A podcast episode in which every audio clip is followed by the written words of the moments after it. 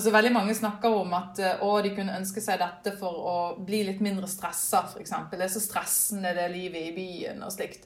Og det er jo sånn som jeg også har tenkt, at komme og drive med noe mer jordnært og praktisk, at det skulle senke stressnivået mitt.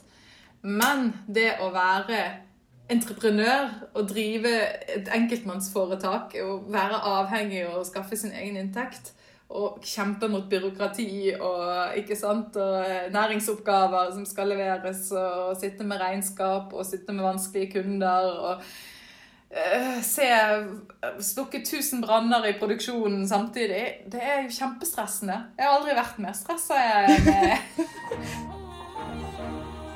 Dette er NLR på Øyra, en podkast fra Norsk landbruksrådgivning.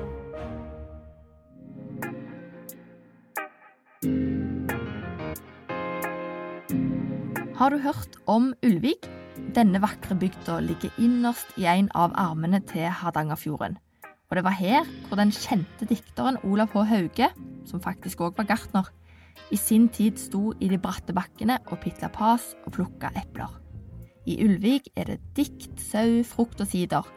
Men her, i dette vestlandsværet, der ingen skulle tro at noen kunne dyrke grønnsaker, har det dukka opp fylkets største andelslandbruk, NLR på Øyra har tatt en prat med gartner Katinka Killian, som sammen med sin mann starta Ulvik andelslandbruk. Vi skal få høre hennes erfaringer med å være en grønnsaksentreprenør som driver markedshage i Norge, et andelslandbruk og en merkevare. Og enda litt mer på Underland gård i Ulvik.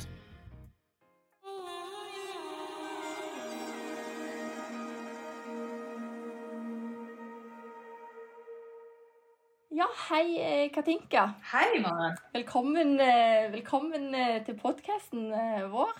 Grunnen til at jeg har invitert deg, er jo for at du kan fortelle lytterne våre litt om erfaringene dine. Du har jo drevet Underland gard og Ulvik andelslandbruk. Nå er det femte sesongen. Ja, vi er syvende sesongen med grønnsaksdyrking på Underland, men vi er vel i femte sesongen med andelslandbruk. Det stemmer. Ja, Kan du fortelle litt om ja, hvordan det var da dere starta, og hva dere tenkte da, og hva som har skjedd underveis, og dere har, hvor har dere endt opp nå? Å hjelp, det var en lang historie. Ja. Nei, men vi, vi, kom jo til denne gården med, med et utgangspunkt om et ønske å starte en liten grønnsaksproduksjon. Men mest med tanke på at vi savnet det i Bergen når vi bodde der.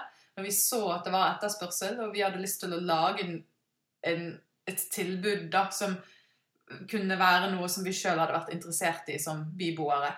Um, og det var bare generelt et savn. Vi så at det var ikke noe særlig med eh, lokalproduserte grønnsaker på, på, Vestlandet når vi flyttet hit fra etter endte studier og slikt.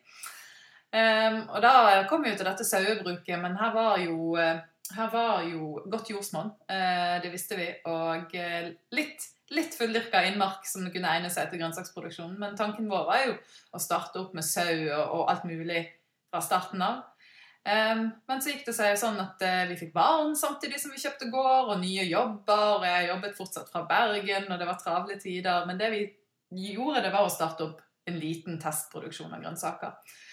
Og det lyktes vi såpass godt med og syntes var såpass kjekt at vi utvider neste år og har testet da en masse ulike former for salgskanaler. Alt fra torgsalg Dette var jo før Reko, dette var jo i 20, 2015.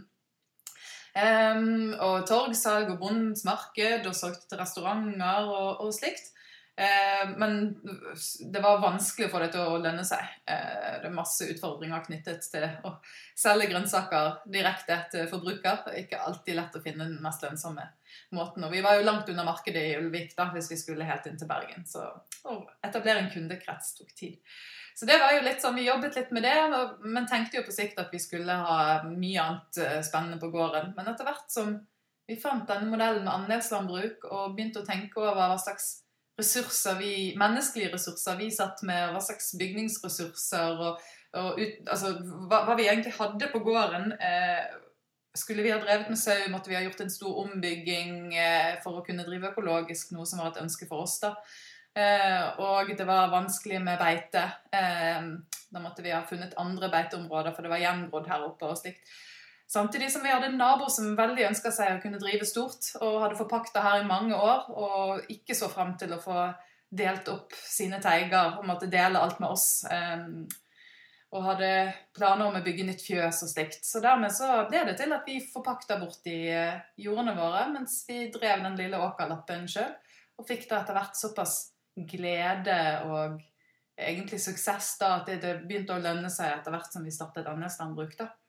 Eh, til at det ble fokus. Og der har vi liksom Nå skjønner vi at det er vanskelig å, å finne gode måter å kombinere det med annen, annen produksjon på foreløpig, i alle fall.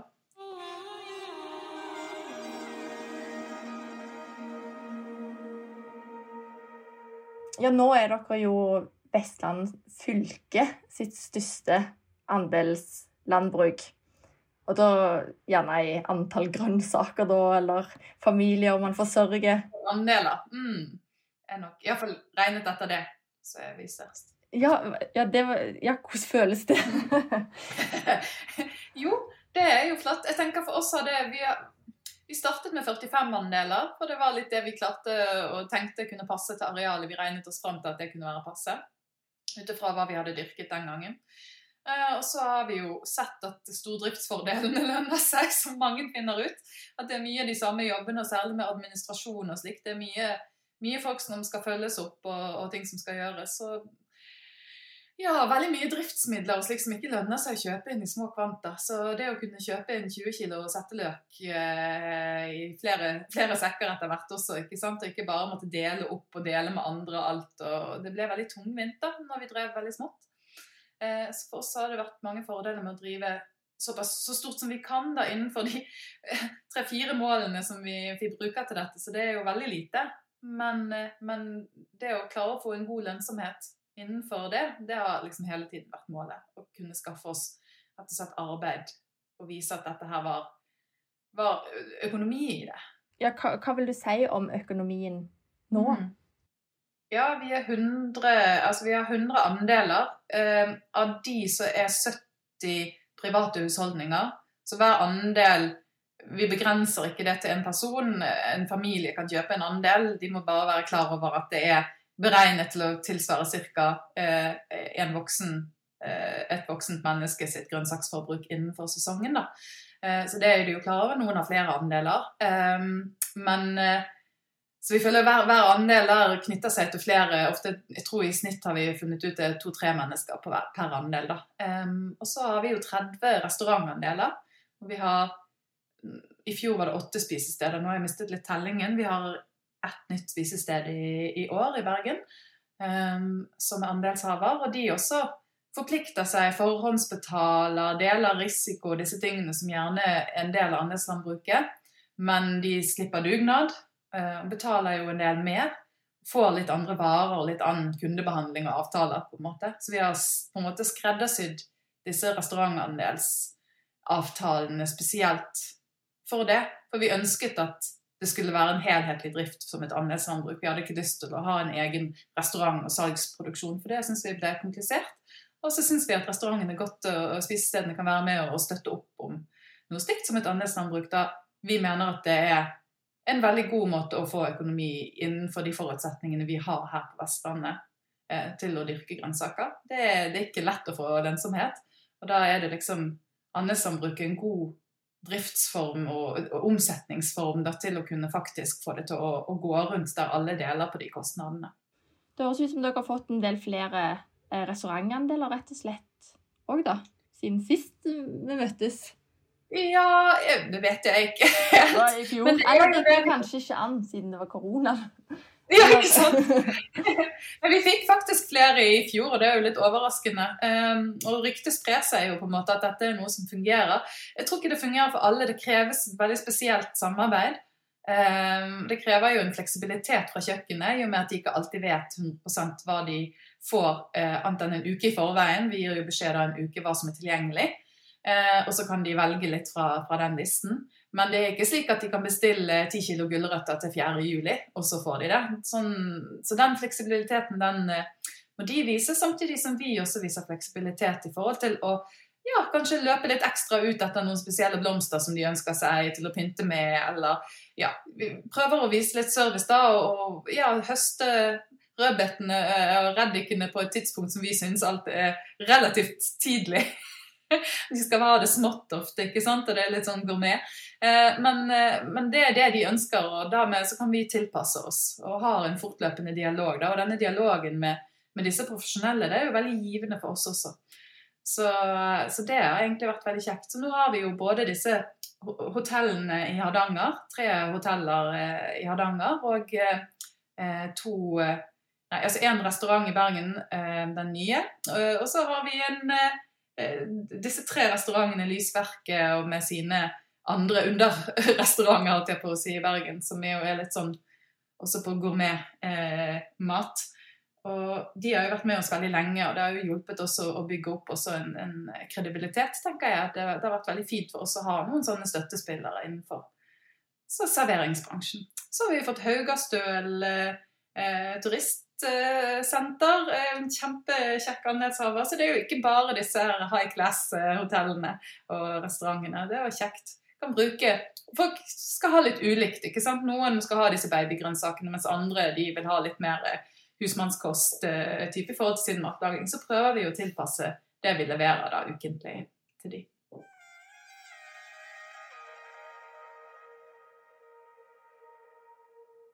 Den jobben med kunder eller mennesker, da. Eh, hvordan, hvordan, ser du på det som en egen stor jobb? Altså, hvor, hvor viktig er det for dere, og hvor mye innebærer den der kontakten mm. og kommunikasjonen og jeg tror det er en veldig stor del av det å drive med direktesalg. Å bygge de kunderelasjonene. Eh, du er jo 100% avhengig av at eh, de du handler med, nesten omtrent liker deg som person. Fordi at det er faktisk nesten sånn eh, vi hører fra, fra noen av de stedene at de, de velger kun eh, leverandører som de, de, har sansen for, de stoler på og de har hatt eh, god dialog med og samarbeid. Um, så det er ikke bare produktene som teller. Det tenker jeg jo er viktig for oss også. Så det å ha de gode relasjonene, jeg tror det, det utgjør en stor del av arbeidet, egentlig. Um, å kunne være må jo plutselig kunne slå på tråden og, og ringe og fortelle å, nå har vi noen eh, reddiker her, sender bilder. Hva syns dere om det? Det er bra. Det er jo kjempegøy for de som har eh, overskudd til å gi oss respons på det også. ikke sant? Så det, For noen er det helt topp, og for andre så passer ikke det i det hele tatt inn i deres driftsmodell. Så det Ja, tenker det er litt Vi har måttet tilpasse oss etter hva Eller finne de kundene som er riktige for oss, da. Men eh, det er vel kanskje litt sånn en fare for at det, at det kan forstyrre òg, hvis eh, det kommer folk uanmeldt på besøk, eller ringer til alle akkurat når du skal ut og plante, eller et eller annet. Jo. Så lurer jeg bare litt på hvordan det var liksom i starten sammenlignet med sånn som det har blitt, for du har sikkert gjort deg noen erfaringer når det kommer til sånn grensesetting eller lure måter å gjøre ting på. ja. Flere fluer i en smekk og sånn. Hva, ja, hva, hva, har du lært fra starten og fram til nå at det liksom er lurt å, å gjøre? Mm. Nei, dette er mannen min veldig flink til, da. Eh, for jeg driver jo da sammen med mannen min, Grzegorz. Eh, og han er nå den av oss med beste grensesetting. Og så lurt å tenke litt strategisk rundt dette her. Bl.a. med hvordan vi kommuniserer med alle andelser, altså de private andelshaverne særlig. For det blir veldig fort utrolig mye eh, enkeltmeldinger. Eh, skal vi arrangere en dugnad, så er det plutselig 20 stykk som skal si at de blir litt forsinket, eller ikke sant, sånne type ting. Eller de har spørsmål. Vi sender e-poster med vi prøver å bare sende e-poster med vesentlig informasjon. og er veldig tydelig på at Når vi sender noe, så er det lurt å lese det. Eh, for vi prøver ikke å gi mer enn det som er nødvendig. Eh, men folk leser jo som regel ikke noe. Og så får vi jo spørsmål i samme svar i, på e-posten med spørsmål om hva var det egentlig, hvor er den lenken, og finner, hvilken dato var det igjen? Sant? Og, og, sånt. Og vi har blitt ganske gode på å ja, blant annet bruke, sette opp en nettside hvor all informasjonen finnes. ikke sant? Sånn at folk henviser hele tiden. 'Den informasjonen finner du der.' For vi har jo ikke alle datoene i hodet sjøl. Står ute på åkeren og luker og skal plutselig finne fram eh, dugnadsdatoer i, i, juli. ikke sant? Det har ikke vi oversikt over. Så det, både bruker det, så har vi en Facebook-gruppe hvor folk kan kommunisere også med hverandre. Dermed så avlaster jo andelshaverne oss litt i den kommunikasjonen. For en del av de eksisterende andelshaverne kan gjerne svare på spørsmål som nye lurer på. Og det å være liksom tydelig på at Vi ønsker ikke kommunikasjon på alle plattformer. Vi ønsker ikke å få mm, tekstmeldinger og sånne her eh, messenger-meldinger på Facebook til våre private eh, kontoer. og sånt. Det er veldig vanskelig å holde styr på. Så vi har blitt ganske ryddige på, på den kommunikasjonen. da. Ja, så, Men også i eh, forhold til folk som kommer på gården og sånt, så har vi nok også blitt flinkere til å si at du nå står jeg midt oppi noe. Jeg har et regnestykke på gjødsel i hodet akkurat nå. kan jeg komme tilbake til deg en annen gang? Eh, og som regel så er jo folk veldig forståelsesfulle. Jeg tror den der, eh, De ser jo hvor svette vi er da vi springer rundt og slukker branner, så og, så har dere vel litt sånn at dere har kanskje noen faste arrangementer i året eller noe sånt, hvor man får møttes. Og eh, kanskje ikke under koronaen, eh, men eh, hvor, hvor, er det dere møter ja, eh, folkene deres? Ja, det er jo på dugnader. Vi har jo et krav på minimum fem timer dugnad, og det handler om å få folk ut på gården én gang i løpet av sesongen. Minst. Og bare for å ha nettopp den kontakten. For oss handler det i mindre grad om hjelp til arbeidet, selv om av og til har vi kjempedyktige dugnadsgjenger som får gjort unna en del, og andre ganger er det ikke alltid vi får gjort så mye. Men for oss er det mye viktigere å bygge de kunderelasjonene da, og få, få møtt folk. At de får sett oss som bonde som dyrker maten deres. At de får sett eh, jordet og stedet og, og, og plantene i vekst. Eh, eller vært med å plante ut ikke sant? og kan tenke sjøl og se verdien og arbeidet som ligger bak den brokkolien de får seinere, når de har vært med å plante den ut sjøl. Eh, så jeg tror det å gi et sånt ansikt og direkte tilknytning til sin gård, da, jeg tror det er veldig verdifullt og gjør at vi har en del veldig lojale eh, medlemmer, da, andelshavere. Mm. Så Det er jo stort sett i form av dugnader. Vi har jo pleid å prøve å ha åpen gård også, men nå har vi jo ikke orket å ha det under korona. Men, eh, så det er nok dugnader. Nå med korona så har det også vært en utfordring. Så vi har jo gått fra å ha tre store dugnader i året med litt sånn felles middag og 40 mennesker samlet til å, å satse mer på sånn fem til ti godt spredd utover åkeren.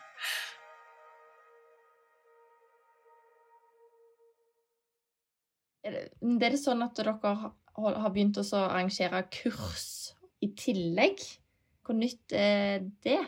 Er det en sånn en ny, ny, nytt produkt fra gården, eller eh, hva, hva er tanken bak? Ja, vi begynte å Det startet vel egentlig med at vi begynte å ha omvisninger. Eh, både for eh, landbruksutdannelser, studier, gartnerstudier, studenter. og eh, gastronomi. Vi har vel lokalt eh, sånn matfag og gastronomi her eh, i Ulvik. Og så liksom den, og vi har hatt en del skoleklasser på besøk. Og uh, og kjente veldig på den formidlingsgleden vi hadde, og fikk veldig positive tilbakemeldinger på måten vi formidlet om det vi drev med. Da. Og folk så hvor lite, hvor lite kunnskap folk har, selv de som er studenter og interesserte og, og slikt. da, eh, om dette med å dyrke. Eh, og om den produksjonsformen som vi har også, er jo veldig annerledes. Det, det skapte veldig interesse. Eh, men vi kjente veldig på at dette er jo en styrke vi har. Vi er jo, Mannen min er pedagog og lærerutdannet. og og jeg som landskapsarkitekt eh, har jo jobbet veldig mye med formidling på, på, mange måter, jeg også. Så vi kjente på at dette er noe vi har lyst til å kunne bruke. da. Eh, og så har det jo skjedd en voldsom interesse og boom, ikke minst med korona nå, i forhold til interesse for dyrking. Så det har vi rett og slett funnet ut at det er en glimrende måte å nå ut til flere. For vårt mål har jo gjerne vært det å vise folk at dette går an å få til på Vestlandet. At vi kan dyrke 50 ulike slag grønnsaker i eh, våte vestlandsbakker. Eh, hvor det ellers bare vokser gress. Og, og knuse noen av de fordommene som har gjort at at kjøkkenhagen egentlig har forsvunnet fra Vestlandet eh, de siste 20-30 årene. Så der du før fant kjøkkenhager, der er det bare plen nå. Eh, og den kunnskapen som var fulgte med de kjøkkenhagene, den er jo også på vei ut. Eh, så dermed så har det vært et virkemiddel for oss da å kunne bidra med å beholde den kunnskapen på Vestlandet. Eh, men samtidig selvfølgelig er vi bevisste på at vi også bygger en merkevare. ikke sant? Så det er jo, det er jo viktig for oss at, at, vi får ting til å gå rundt. Så kursene har vært gunstig for oss økonomisk.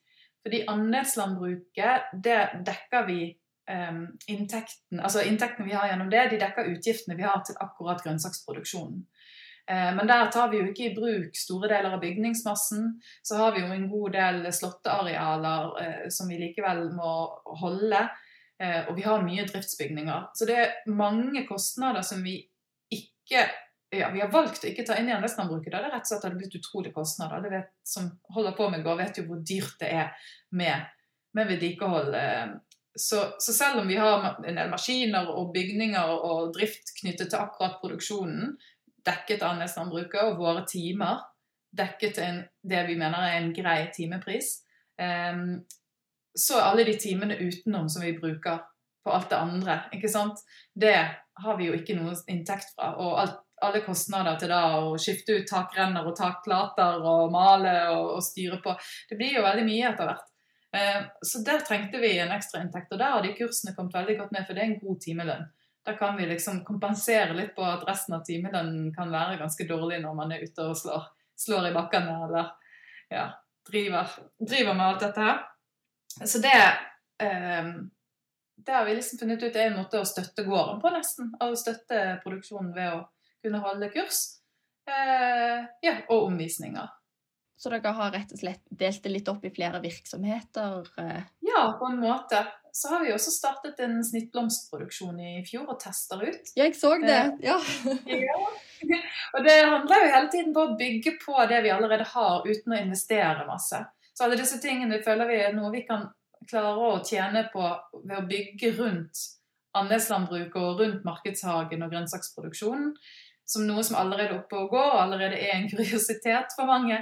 Um, og rett og slett bare ja, få opp flere virksomheter uten de store investeringskostnadene som det hadde vært å bygge om fjøset eller noe slikt. Mm. Så med, med blomsterproduksjonen har jo det vært veldig kjekt for meg, som da er estetiker og vant til å kunne få uttrykke meg kreativt og jobbe med ting som er vakkert. Så hadde jeg lengtet etter det, selv om jeg syns at en knutekål er kjempevakker. Så, så var det veldig tilfredsstillende også kunne få brukt meg sjøl med det. Så det testa vi litt i fjor, og så at dette er jo eh, Det er jo både et marked og det er en veldig interessant produksjon å kunne holde på å tilby eh, lokale og bærekraftige usprøyta blomster. Det er på en måte noe helt nytt på mange måter for meg. Så det var kjekt. Det lukter vel kanskje litt ekstra godt, eh, vil jeg tro? Eller er det lov å påstå noe så? Vi har noen fantastiske papegøyetulipaner som blomstrer nå, og de lukter altså en blanding av liksom klementiner og roser og blomstereng. Og den duften, den, eh, den er vanskelig å formidle med ord, annet enn de ikke sier noe ja. ja, du er jo en estetiker, det ser en jo på Instagrammen deres. Så jeg bare lurte lurte på om du kunne fortelle litt om hva du tenker om på en måte markedsføring. Jeg vet ikke om du bruker det ordet. Jo, ja, du gjør jo det. Merkevaren. Merkevarebygging. Jeg tror at for å lykkes, og det har jeg og mannen min vært veldig bevisst på hele veien, at vi vil være litt profesjonelle rundt det vi driver med. Vi vil ikke Det er en livsstil, og det, vi er idealister, og vi jobber mye gratis og, og slikt. Men vi skal jammen meg prøve å være profesjonelle òg, eh, og det er tross alt en bedrift. Eh, gården det er et regnskap som skal gå i pluss, eh, og vi må kunne få en lønn så vi klarer å betale lånene våre og betjene, betjene det. Og dermed så har vi også måtte, lært oss litt av tanken rundt å være ja, tenke merkevarebygging, tenke reklame eller, eller markedsføring. da selv om vi ikke bruker egentlig penger på, på reklame da, direkte og sånne type ting. Det syns vi blir litt feil. Men vi er jo ganske bevisste på hvordan vi framstiller oss i sosiale medier og, og sånt. Det tror jeg er de aller fleste som holder på med slike ting, er for tiden. Eh, jeg tror eh, holdt på å si med rette. Men man har jo mange ulike måter man kan framstille seg på. For oss har det hele tiden vært dette her med å få fram det eh, at vi ønsker å inspirere folk og bringe mer glede og grønnsaker inn til, i vestlendingenes måltider og hager. Eh, så det tenker jeg liksom, det er profilen vi har, og, og deler jo da dyrkingstips og litt in, innsikt i, i, livene på gården. Litt på godt og vondt, eh, men mest, mest, på godt blir det jo da. For det har vi jo sett at det er utrolig vanskelig å få tatt bilde av eh, alle de kjipe regnværsdagene. fordi at det er jo ikke den situasjonen du tar ut kamera eh, midt i regnet og gjørmen. Så selv om vi faktisk har hatt som mål å kunne dokumentere mer av de tunge og vanskelige stundene, så er det utrolig vanskelig å tenke på det der og da. Ja, Man husker jo mye mer å ta bilde når det er strålende sol, et eller annet flott skjer. ikke sant? Ja, vil ikke ødelegge kameraet heller. Nei, det er faktisk litt sånn praktiske hensyn. Og det er i det hele tatt det for meg å holde på med dette på Vestlandet, det med å gå rundt med notatblokker og sånn, det er jo slått helt fra meg. For det, jo bare, det blir jo bare gjørme og, og, og bløtt alt sammen. Altså, du må skikkelig trene sånn hukommelsen. Eh. Ja. Jeg må ha helt andre metoder. Mm. Hvordan har du merka liksom Ja, for det henger jo òg sammen med å skape det der engasjementet, og at ting sikkert ordner seg litt sjøl når det kommer til kunder. Sant? Du nevnte det der med at det, eh, kundene svarer på spørsmål til hverandre, og Eller andelshaverne, må man jo heller si. Du har vel sikkert erfart litt underveis hva som fenger, og hva som det er verdt å bruke tiden sin på. Eh, kan du fortelle litt om hva mm. som eh, Ja, hvordan, hvor er det verdt å bruke tiden sin? Hvor er det ikke verdt å bruke tiden sin? Med tanke på markedsføring og, og sosiale medier og sånn, tenker du, eller? Ja, for dere har vel testa litt forskjellige ting? Sånn. Det vi har merket mest av alt, det er at eh, en en, eh, en måte langsiktig oppbygging av dette med f.eks. Instagram har nok hjulpet veldig mye bl.a. med de nye produksjon, altså nye virksomhetene, da, om du kaller det for det med blomsterproduksjon og med, med kurs. Vi hadde ikke nådd ut til like mange folk uten eh, den Instagram-kontoen. For det er litt andre typer folk som følger en der enn en, eh, på Facebook, da f.eks. Eh, men ellers, utenom sosiale medier, så tenker vi veldig at den beste effekten vi ser, det er jo bare liksom jungeltelegrafen. Det er jo at folk snakker med hverandre. Det er stort sett denne, de nettverkene å nå ut gjennom de, og der er jo andelslandbruket gull verdt fordi at det er såpass lojale deltakere i gården sin, sitt økosystem, nesten, ikke sant? Som, som da vil oss vel og, og, og framsnakker oss. Eh, og det tror jeg har vært eh, helt uvurderlig. Um, så jeg tror det, er det å bruke tiden sin på å gjøre kundene fornøyde i utgangspunktet, er jo det aller viktigste. Det her med å gjøre de fornøyde Ja, er det, er det litt sånn, sånn at du eh, oppfører deg ekstra fint, eller tenker du bare ufiltrert meg? Take it, liksom, eller ja, jeg tror, jeg, jeg tror det jeg blir, jeg blir blid hver gang jeg møter folket. Mm. Eh, så kan jeg være sur igjen etterpå, liksom. Men eh, jeg tror vi begge to eh, skrur på sjarmfjeset med en gang vi møter andre mennesker. Det er nesten umulig å ikke gjøre. Jeg tror vi, vi er jo ekstrovert og glad i folk og, og, og, sånt i utgangspunktet. Så jeg tror hvis ikke vi hadde vært det, så hadde vi ikke orket å holde på med dette her. Det passer jo. Altså det er nå når vi driver og snakker med andre som vil starte opp markedshager og slikt, og snakker om omsetningsform, så er jeg veldig tydelig på at andelslandbruk er jo virkelig ikke for alle. Eh, det er jo dager hvor vi Der kom e-posten. Det er jo dager hvor vi ønsker at, eh, at vi også kunne på en måte vært litt i fred og bare konsentrert på å dyrke og bli flinke agronomer og jobbe med de tingene utelukkende.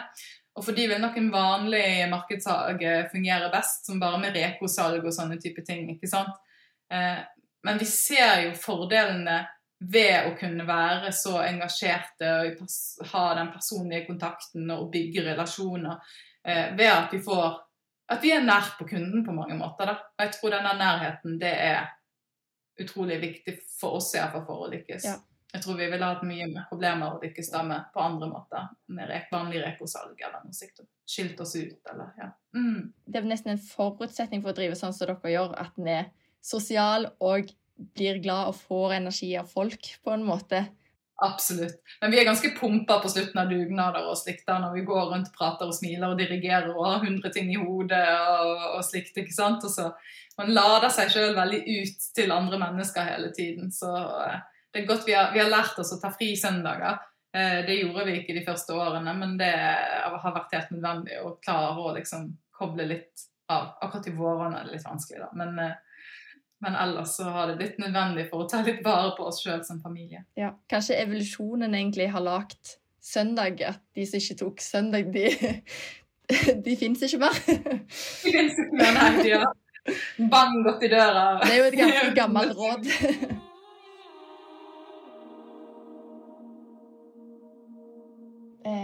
På om du hadde litt sånn tips når det kommer til sånn, å sette pris på det man selger hvordan fant du fram til den, de prisene du har nå? Hvordan undersøkte du for å finne Hvordan jobber du med å finne riktig pris?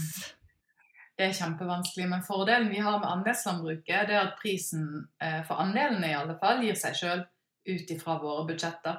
Så Der er det jo rett og slett sånn at vi setter opp et budsjett over alle forventede utgifter, inklusiv våre timer. Um, og så den totale kostnaden deles da på antall andeler vi forventer å kunne ha. Uh, og på den måten så deles absolutt alle utgiftene på produksjonen på andelshaverne. Uh, og det er et gjennomsiktig budsjett som andelshaverne er med på å, å, godta hvert år på årsmøtet, sånn at det blir på en måte en demokratisk prosess. Og ikke minst den gjennomsiktigheten tenker jeg det gjør at de har en forståelse for de utgiftene og den prisen som vi er nødt til å ta. Eh, og mange blir jo forferdet over å se hvor lite timelønnen en eh, bonde kan være villig til å, å jobbe for. ikke sant? Eh, når en sjøl er vant til kanskje helt andre inntekter som selvstendig nær, eller time, timelønn som selvstendig næringsdrivende. Jeg tenker Det er med på å bygge en, en, virkelighetsforståelse hos forbrukeren. da, Og våre kunne til å sette pris på det arbeidet vi gjør. Bokstavelig talt sette pris på det. Men ja. Så det er jo annerledes andelslandbruk, og det har jeg alltid syntes var veldig greit at jeg slapp å sitte og finregne på, eh, på hvert eneste vi, altså, vi har jo sikkert sånt 100 ulike produkter hvis du tar med alle mulige urter og bær og, og slikt. Eh, men på en måte så har vi gjort den jobben òg fordi at vi har en oversikt over alt vi høster inn. Og der legger vi inn et ca. torgsalgspris på alt for å kunne si noe om verdien av det vi høster også. Eh, sånn at vi kan gi en tilbakemelding til andelshaverne om har det vært et lønnsomt år for de, eller har de gått i null, eller har det vært ikke sant, Har de betalt litt ekstra i år og fått litt mindre tilbake? For vi har lyst til å være ærlige på det. da. Så der, På den måten har vi øvd oss litt på dette med prising. Og da uh, har vi jo brukt alle mulige teknikker, egentlig. Vi, det vi har gjort i minst mulig grad, det er å sitte og finregne på faktiske produksjonskostnader på hver eneste produkt, fordi det rett og slett er så mange. Eh, der, selv om vi har litt grann følelse på det, ikke sant? vi kjenner, kan gjøre et raskt overslag og se at squash er ganske eh, lite timebruk fra vår side i forhold til bl.a. på innhøsting. Da, ikke sant? Planting, lite luking, eh, lite problemer med det. I motsetning da, til f.eks. gulrot, som kan være veldig arbeidskrevende selv hvis du skal vaske og sortere og slikt. Um, men ellers så, eh, utover den type beregninger, så ser vi jo både på markedspriser, både litt på hva, hva selges ting på både på lokalbutikken, men også på andre butikker rundt omkring og spionerer. Og ikke minst følger med. Nå har vi jo Reko og kan se hva andre tar. Um, men uh, også, um, også på nett er det jo mange kilder til, til priser. Men for oss er det litt viktig å se på det. Det finnes jo nesten aldri et tilsvarende produkt som det vi har. Og det å kunne også verdsette det at det er litt unike produkter. Det er jo veldig sjelden du får norskproduserte bondebønder, altså lokalt produserte økologiske bondebønder f.eks. Og så tikke av alle de tingene der. Det blir veldig vanskelig. Så du kan liksom ikke sammenligne det med frosne erter på butikken fra Spania eller noe. så det er jo liksom alltid å finne litt ekstra Så vi, vi legger jo litt på da Tenker OK, her Eh, hvis det er et ikke-økologisk produkt, og vi har et tilsvarende økologisk, så bør vi nok legge på en liten prosentmargin da, eh, ved, ved, salg. I forhold til blomster så er det jo litt det samme. Der har jeg faktisk vært og regnet litt nøye på timebruken. Så der er det, det, er litt, det er litt enklere produkt å forholde seg til da, enn alle disse ulike grønnsakene. Og kurs Ja, nei, da tenker jeg litt sånn at eh, jeg tar den prisen jeg føler jeg trenger. Jeg beregner timebruken og tar den prisen jeg føler jeg skal ha for at det skal lønne seg for meg å bruke tid på det. Eh, og deler av den kunnskapen som vi har opparbeidet oss. Eh, og da tenker jeg at eh, det, jeg kan ikke ta mindre. Eh, og jeg har jo sett litt i markedet hva andre tar, selvfølgelig. Men jeg tenker at jeg legger meg der hvor jeg føler det er lønnsomt for oss, da. Mm. Og vi får det til å gå rundt. Så du kjører på en måte Du, du regner altså skikkelig, og så, og så kjører du en fast pris, på en måte, så får folk ta ta det og forstå det, på en måte. Fordi, ja, du, du er trygg på at det er en god begrunnelse bak, så, så du kan stå støtt i det.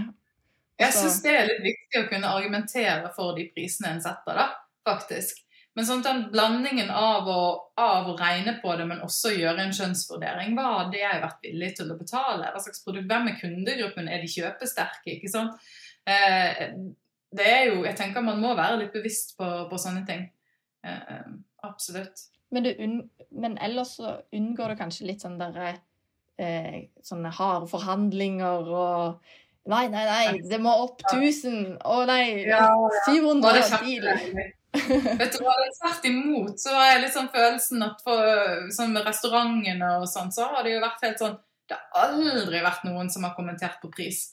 Det har liksom, det har vært helt sånn Ja, hva Ja, nei, selvfølgelig. Ja, det skulle bare mangle omtrent i, i forhold til eh, sant? Og vi kommer der litt med luen i hånden ikke sant? og tenker å, sant? vi må ikke prise oss ut og sånt. Men jeg har inntrykk av at uh, de restaurantene vi samarbeider med, de er veldig bevisste på hva som ligger bak de produktene. Ikke minst merverdien det er for de å putte det på tallerkenen. Og det er jo ikke slik at uh, å, å, hive noen små babygulrøtter på tallerkenen øker Altså det koster de noen kroner ekstra at det er baby, og at det er økologisk og at det er lokalt. Men totalprisen på den tallerkenen den er uansett så mye høyere enn de få kronene. Så jeg tenker det er ikke der utgiftene deres ligger i råvarene, stort sett. Det tror jeg de er ganske bevisste på.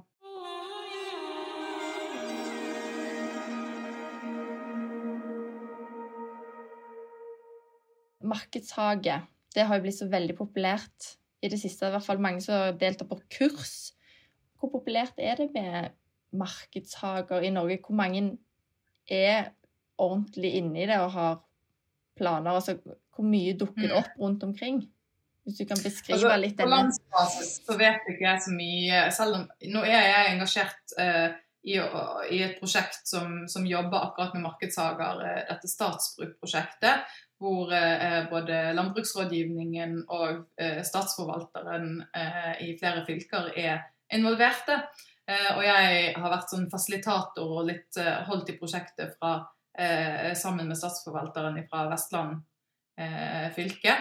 Um, og dermed så har jeg jo sett litt grann hva slags altså Da har de jo på en måte holdt sånne type markedshagekurs eller inkubatorprogram, som vi kaller det, for her er tanken å trene folk til å tenke ikke bare være gode dyrkere, men å være gode til å drive med salg og entreprenørskap og tenke, tenke rett og slett som grønnsaksentreprenører i det en utvikler en bedrift, og ikke bare tenke kosedyrking i hagen. Um, og dette er jo en modell som har vært utviklet i, i, i Sverige, og som vi prøver å lære litt om her i Norge gjennom det prosjektet. Så der har jeg fått et bilde av hva som rører seg. Og så ser jeg også på Facebook eh, ser man jo at det er et veldig aktivt miljø. Eh, det jeg har hatt inntrykk av ut ifra det, det er jo at det er veldig mange som følger med på miljøet, men som kanskje ikke egentlig er helt der hvor de, de har lyst til å dyrke, de drømmer om det, og de syns dette virker veldig spennende. Men det er veldig få som går lenger enn å dyrke litt i egen hage, og kanskje prøve seg å selge litt til naboer. Syns at dette er et veldig spennende konsept, og ikke minst å, å eh, ja, lage sin egen arbeidsplass ikke sant? og bygge opp en liten bedrift. Um, mens de som virkelig satser og, gjør dette litt proft og sier opp jobbene sine og prøver å skaffe seg et levebrød, de kan du telle på noen få hender, tenker jeg, i Norge. Egentlig foreløpig. Men det er jo da mange som er i den rekrutteringsfasen. Eh, og litt av det prosjektet handler jo om å, å la folk få lov til å teste i det små. Sånne testbed, som vi kaller det for. Hvor de får opplæring og kursing og tester ut på et lite areal de teknikkene og den tankegangen, måten å tenke på som en entreprenør skaffer seg en kundebase før de liksom sier opp jobb og Ikke sant? Og det er jo veldig forpliktende på mange måter. Og de må jo få en følelse også på hvor mye tid dette faktisk krever. Eh, ikke bare dyrkingen, men også kunderelasjoner og salg. Og det er kjempespennende å, å både være med og, og og reflektere over sammen med de som har deltatt på kurset, og se på de utfordringene som ligger for denne produksjonen. Eh, men det er jo kjempestor interesse for disse kursene. Altså Markedshagekurset som har gått også tidligere i Bergen, har jo hatt ventelister, og det har vært 30 påmeldte som har fått plass. Og det går nå for andre år, og i tillegg har vi hatt inkubatorprogrammet. ikke sant? Så vi har det er jo ganske mange. tenkt da, altså Det er i Vestland fylke 40 stykk som er interessert i å starte opp i løpet av et år. Um, men en del faller jo fra da, og, og, ser at dette kanskje ikke er realistisk for dem. Så det blir jo egentlig litt spennende å følge og se hvor mange får dette til. Eh, Foreløpig så har det vært satsa veldig mye på å rekruttere folk som allerede driver innen landbruksnæringen, som en tilleggsnæring, å drive en markedshage. Eh, jeg tenker det er mest realistisk for de som eh, kanskje har, har flere folk på gården som har lyst på, på jobb, da. Det er ikke sånn at hvis du allerede er travel sauebonde, så trenger du å holde på med en grønnsakshage i tillegg. Men eh, får du eh, ei kjerring eller en eh, gubbe eller en datter eller sønn inn på tunet som har lyst til å jobbe på gården, så er jo markedshage en veldig eh, eh, mulighet da, for mange. Tenker vi eh, som står bak prosjektet. Men ja.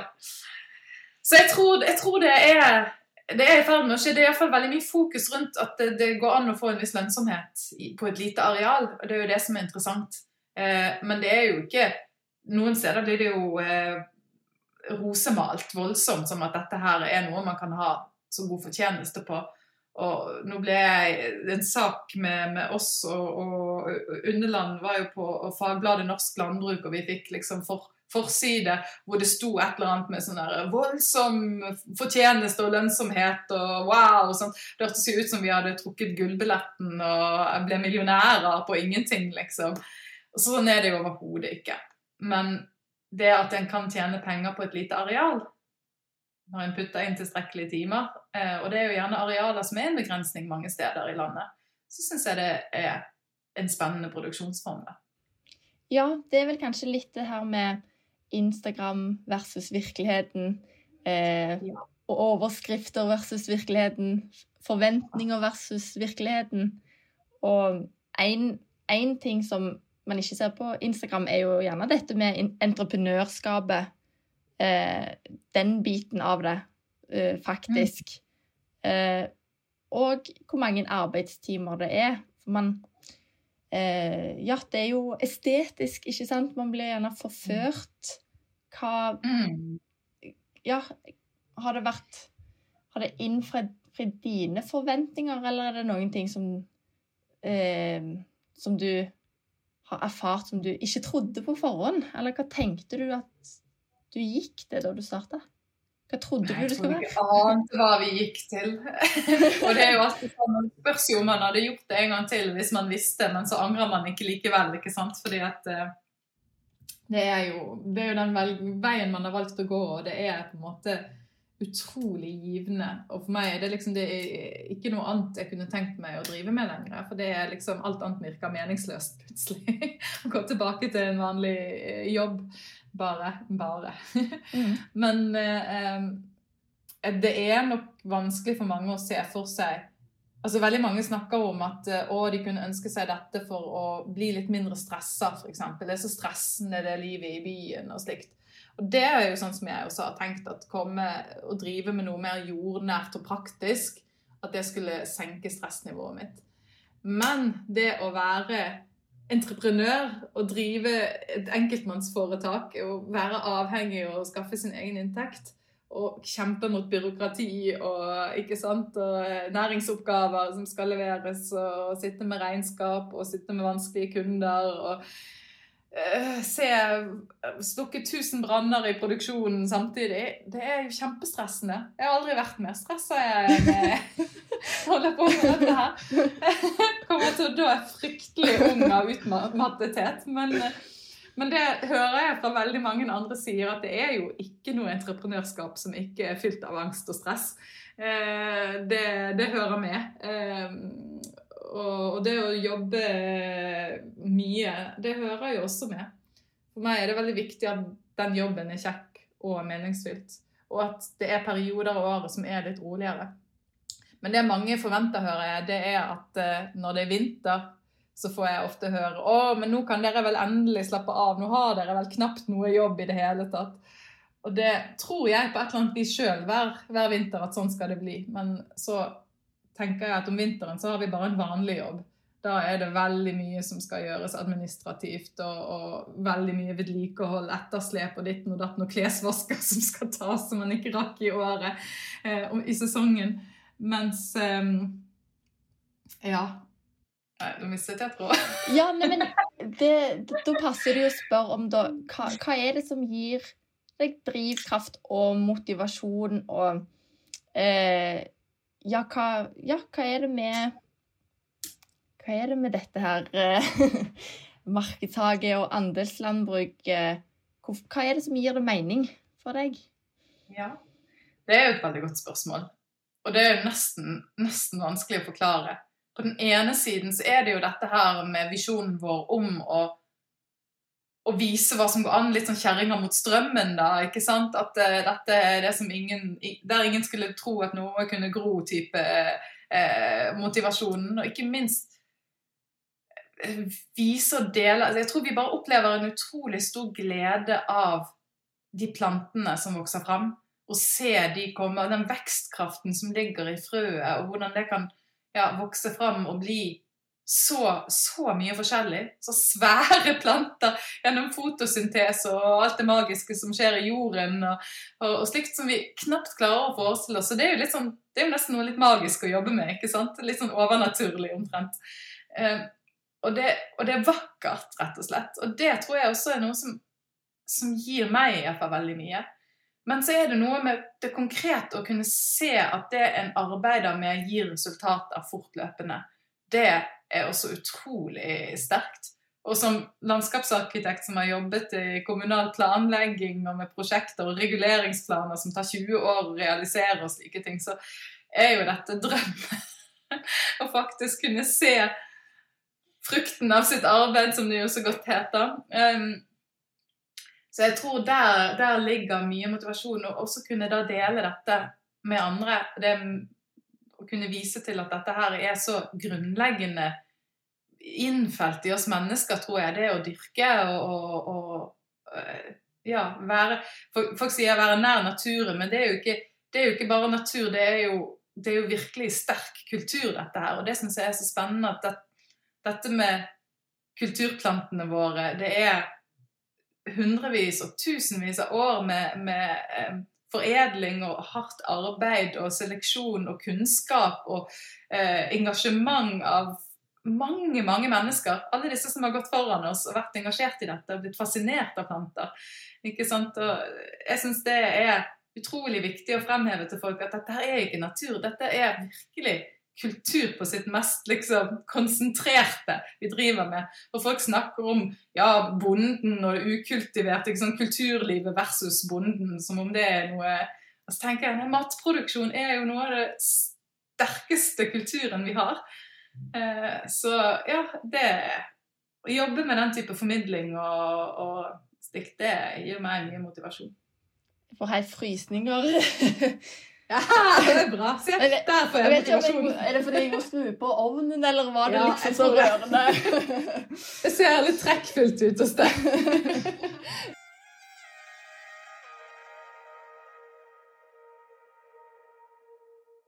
Men eh, ja, nei, det, altså åh, Det var egentlig litt sånn deilig å høre om det fine òg. Eh, og eh, det her ord, det her ordet markedshage, eh, det er jo litt sånn eh, På en måte litt sånn veldig trendy for tida, men det har jo òg historiske røtter. Og på en måte så favner vel kanskje den måten Altså dere har en del markedshageprinsipper, på en måte. Um, kan du si litt om hvorfor, hvorfor dere er, Eller tenker at dere kan kalles en markedshage? Og så òg litt det der Du har jo vært på kurs hos han derre Jean Martin Fortier, altså The Market Gardener. Eh, og han, hans masterclass. Så jeg bare ble litt sånn nysgjerrig på hvordan På hvilken måte er dere med i markedshage? Hvordan kan dere plasseres inn der, eller hva? Tenker ja. Du må jo begynne å definere hva markedshage er. Og det er litt forskjellige definisjoner ute og går, men jeg liker å tenke at det handler jo om to ting. Det handler om en, en variert produksjon, altså et hagebruk, på en måte. Ikke sånn gartneryrke. Eh, og dermed er hele dette begrepet hage kommer inn. Eh, på norsk i alle fall. Eh, og på engelsk òg, med garden, market garden. Og det andre begrepet er jo marked. Det handler om direktesalg til forbruker. Eh, så denne varierte småskala som refererer til hage, grønnsaksproduksjonen som, som jeg driver med direktesalg, det tenker jeg utgangspunktet er Da er det en markedshage i den vide begrepet. Men så er det jo kommet Jeg pleier å referere det som liksom moderne markedshager. Som for å være enda tydeligere på at jeg kanskje mener litt grann disse prinsippene og den kunnskapen som mange eh, har drevet og bygget opp over de siste ja, 30-40 årene med, med, Elliot Coleman i USA og Jean-Martin Fortier som har vært og reist rundt i Frankrike og hentet kunnskap fra, fra franske eh, eh, gartnere.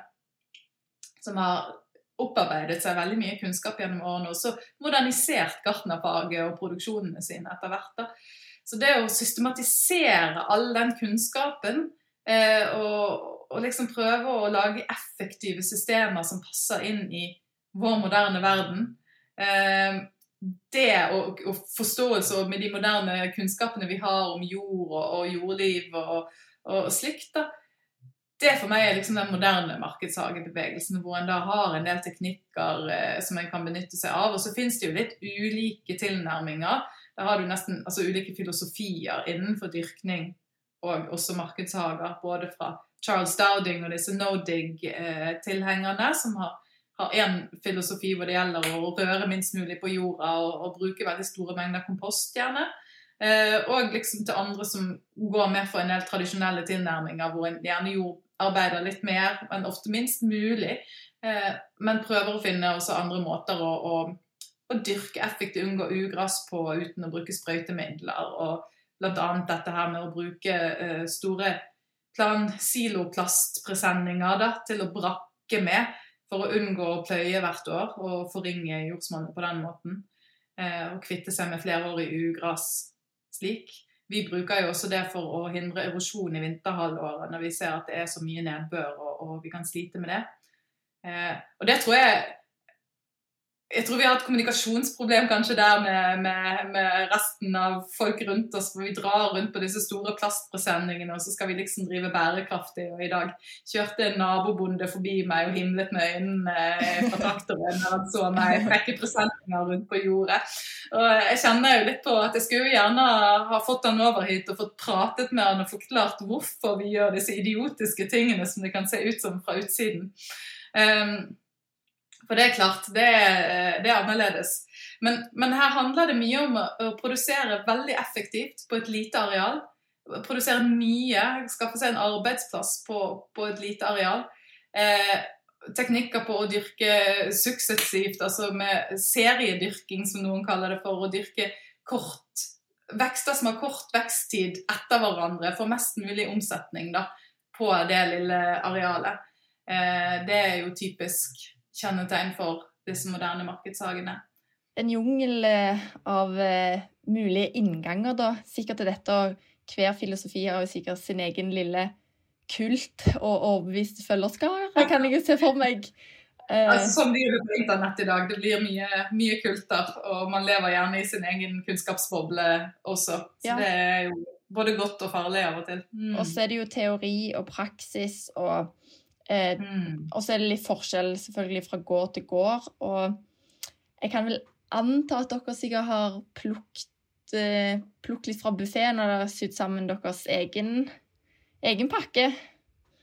Det er nok det vi gjør. Vi tenker at vi har lyst til å være pragmatiske på toppen av idealismen. Og vi må også se hva som funker for oss, og hva vi har av ressurser tilgjengelig. Som Ulvik er langt fra mange steder, og vi har ikke husdyr sjøl. Hvordan kan vi liksom eh, jobbe også innenfor eh, Mattilsynets regelverk, slike ting, for å få ting til å gå opp. Også, men kunnskapen vi gradvis bygger oss opp om jord, og basert på jordprøver. ikke sant? Hva er det vi vi har et stort fosforoverskudd. Hvordan kan vi da gjødsle effektivt med det som finnes tilgjengelig av lokale ressurser? Det er vanskelig. Så jeg føler vi bare ja, vi bare ser toppen av isfjellet i forhold til kunnskapen vi trenger for å drive egentlig bærekraftig og så godt som vi sjøl ønsker det. Så vi tror ambisjonsnivået er veldig høyt, men så og teorien på en måte kommer gradvis, men hva man klarer og makter å gjennomføre i hverdagen, der føler jeg at eh, det er av og til tungt å ikke klare alt man ønsker seg. Hva, fikk, fikk du noe igjen fra den der masterklassen? Jeg var litt spesielt nysgjerrig på den. Fikk, gikk den overføre til Norge? Ja, på noen måter. Men det var jo veldig mye som var spesifikt for eh, eh, Men, men den, den henvender seg jo til et internasjonalt publikum. Eh, så de er ganske flinke til å understreke dette, at dette her blir forskjellig fra sted til sted. Så du får nok mye mer gratis hvis du er i lignende klima som de er, og ikke minst bruker samme metriske, ikke-metriske systemer og, og sånt. Og det er jo en del å ha samme produkter og sorter tilgjengelig. Vi har jo ikke de samme sort, sortsutvalget her, f.eks. Eh, og i forhold til gjødsling og slikt, så er det jo ikke alltid produkter som er tilgjengelige på vårt marked som de henviser til.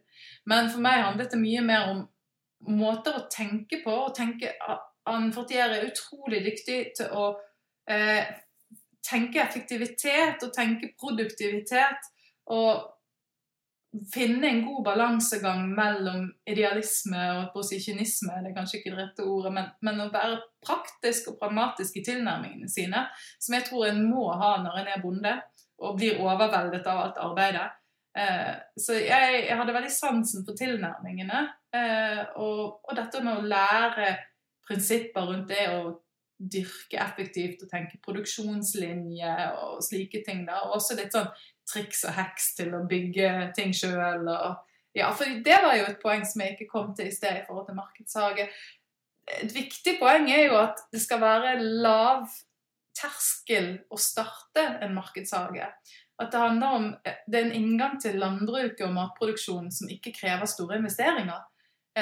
For ellers store deler av verden så er jo matproduksjon forbeholdt de rike få, nesten eller noen som arver store landområder. Og du og jeg og hvermannsen kan bare drømme om å finne en, plott, et, en flekk å dyrke på. Mens med markedshager så trenger du virkelig et veldig lite areal, og folk kan jo omtrent gjøre det i, i hagen til naboen og, og slikt. Og det gjør jo en del rundt omkring i verden. Eh, og at dette en trenger ikke stort og dyrt utstyr. Veldig mye av dette er ikke traktorbasert. Det er såpass liten skala eh, at det holder med tohjulstraktor, eller noen bruker bare håndredskaper. Eh, Jean-Martin Fortier han eh, refererer til en menneskelig skala i landbruket. At det ikke er disse gigantbrukene og heller ikke gigantmaskinene ute og, og går. Og det gjør det jo jeg tenker demokratisk og, og, sosialt på mange måter. Eh, og jeg synes det, jeg ser også at det tiltrekker mange flere kvinner. Og også folk som ikke har landbruksbakgrunn i utgangspunktet. Jeg tenker det er et glimrende rekrutteringsverktøy. Fordi at eh, jeg tror du får brukt deg sjøl og kreativiteten din på en ganske spennende måte. og det er komplekst å dyrke så mye forskjellig. og jeg tror Det tiltrekker, det er en utfordring på en helt annen måte enn en god del av det andre landbruket er. Eh, selv om det er mange utfordringer der også. Eh, så jeg tror dette tiltrekker kanskje litt mer kreative folk, da, som ikke nødvendigvis hadde sett for seg å sitte store deler av livet sitt på en traktor eller tilbringe det i fjøset. Eh, så det tror jeg er positivt for rekruttering til næringen.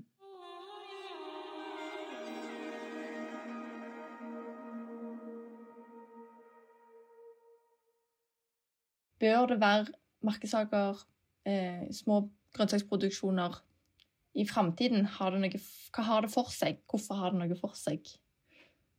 Jeg tror jo på et mangfold i produksjoner.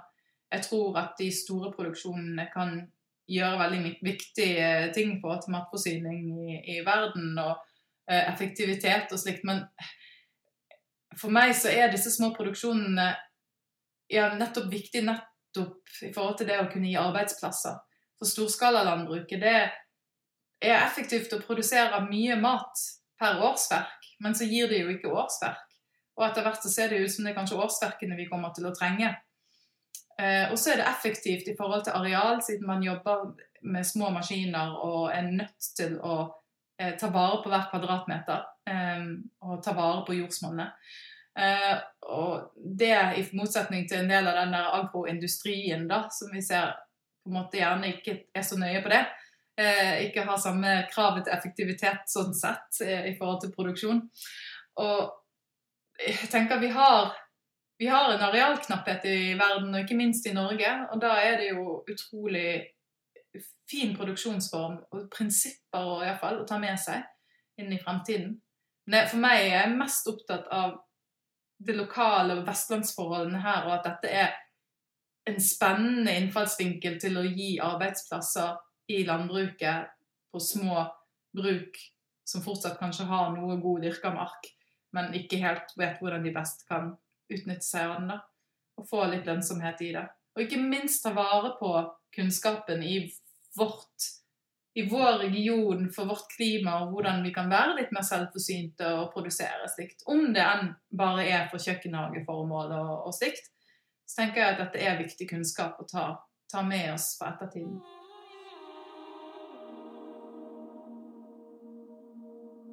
Gode kilder for folk som vil begynne markedshage, eh, til kunnskap i Norge i dag. Altså, ja, hvem, da må jeg bare reklamere. Jeg beklager Ja, reklamer. Ja. Da vil jeg reklamere for at Statsforvalteren nå i forbindelse med dette statsbruksprosjektet som jeg snakket om, har lansert nettsida markedshager.no.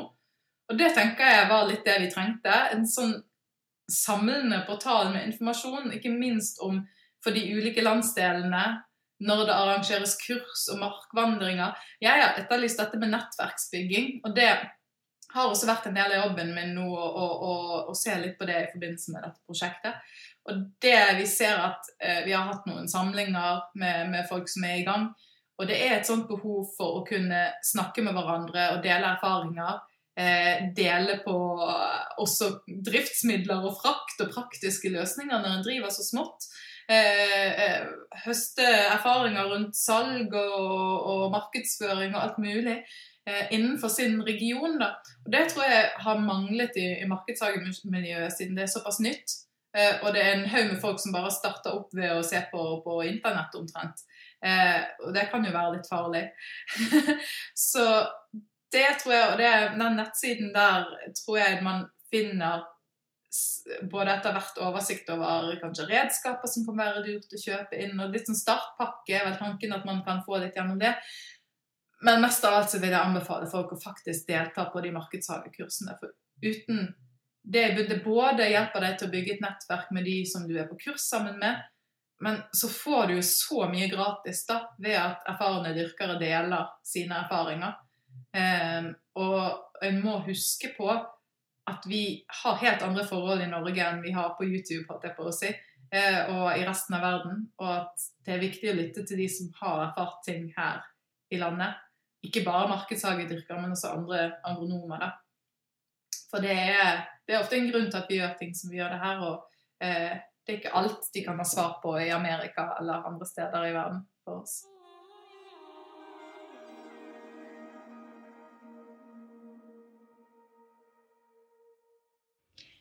Et eh, siste spørsmål, eh, faktisk, om, eller om det var to i ett. Eh, når det er så mange forskjellige ting som denne, hvis man kan kalle det jobben din, eh, innebærer. Eh, hvordan er det du eh, holder orden i sysakene, og har du på en måte en prioriteringsliste? Hva er liksom viktigst av Er det grønnsaker eller kunder, eller er det Altså, hva er det viktigste, og ja, hvordan holder du orden på Dette er det aller vanskeligste. Jeg tror dette det er kjempevanskelig. Eh, og vi har litt sånn ulike huskelister etter hvert digitale systemer som vi tester ut. Og det er ikke alltid lett å lande på, på det som fungerer, for det er så mye som skal integreres og snakke med både ulike programvarer, og vi har jo masse planer og Excel-ark og, og, slikt som jeg ofte ender opp med å printe og bruke ikke digitalt, fordi at det rett og slett er mer praktisk enn å sitte på data hele tiden. Men det du snakker om prioriteringer, det er en daglig jobb å sette seg ned og faktisk prioritere, eller for uken, da. Iallfall lage ukesplaner. Det tenker jeg er eneste måten å komme rundt det. og finne ut noe denne uken her, så er jeg helt rivende nødt til å jobbe med næringsoppgaven. Og da får det bare være at det er en del ting jeg gjerne skulle ha fått plantet ut og, og stikt. Men veldig ofte så er det jo også plantene som står og skriker. Eh, og en er jo nødt til å sette av tid til daglig vanning og stell og, og ettersyn. Altså det jeg ser ryker først, og som jeg har lært meg er viktig at ikke burde ryke, det er det daglige ettersynet, tilsyn. Folk snakker om at ja, men du har, du har jo ikke dyr. Så da trenger du ikke være der hver dag, og ikke, trenger ikke passe sånn på. Mens jeg føler at jeg får passe like mye på, eh, om ikke mer på plantene som på hønsene våre. Eh, og det er ufattelig mye som kan skje på en dag eh, på en annen, side av åkeren. Jeg skulle ikke tro det, men når en driver såpass komplekst og forskjellig, så er det så mye en ikke har oversikten over hele tiden. Og en klarer ikke å få med seg En er nesten nødt til å gå forbi hver eneste dag alle steder og så ta en kikk. For plutselig så er det noe som er overmodent. Eller plutselig så har ugresset tatt over under en duk som du ikke har sett. Um, og det tror jeg det skjer med de beste, for det er mye man skal holde styr på. Og når da vanningsanlegg ryker i tørken og ditten og datten, så er det vanskelig å prioritere. Ja, da, ja det høres ut som du gjør det over gjennomsnittet bra, da. Men eh, den, jeg tror det er en kamp alle deler. Det er vel kanskje Hadde det vært én eh, som visste det, og alle kunne følge oppskriften, så eh, hadde vi nok visst hvem det var. Det hadde vi nok. Og så er vi jo over til rivende uenige, jeg og mannen min, da, på hva som skal prioriteres. Så det kan, eh, kan jo være en god start på en en kjekk krangel, det, å finne ut hva som er viktigst å få gjort i løpet av arbeidsdagen. Men jeg har jo forstått at du har en del hjelpere i år, sånn at ting ligger til rette eh, for en god sesong, gjerne? To kjempeflotte praktikanter som skal være med oss en god del av sesongen. Så det er kjempe Jeg tror vi aldri har hatt like gode forutsetninger for å, å få, litt, uh, få, litt, ekstra hjelp når det røyner på. Og så satser jeg på å få noen gode dugnader med andeslandbruket. Og så håper vi at det blir en sesong uten ekstremvær. Jeg tror vi har lært oss at det finnes ikke vanlig vær lenger. Det er enten tørke eller eh, vått hele tiden, eller iskaldt i mai, eller eh, stormkast i juli. Nå er det alltid. Så vi er litt spente. I fjor så lurte vi på hva blir det tornado? Nei, lurte vi på, nei da, det ble pandemi, da. Ja. Så det hadde vi ikke helt klart å forutse. Men. ja, nei, men egentlig litt sånn spennende. Hva blir den gigantiske krisen uh, ja. i år? Kan det bli mer? Hva skulle tro det ikke kunne bli mer. Nei, jeg tror vi var toppet det ganske bra i fjor, håper jeg da, altså. Bank i bordet. Tusen takk for praten og tiden din. Ja, veldig kjekt å få prate litt.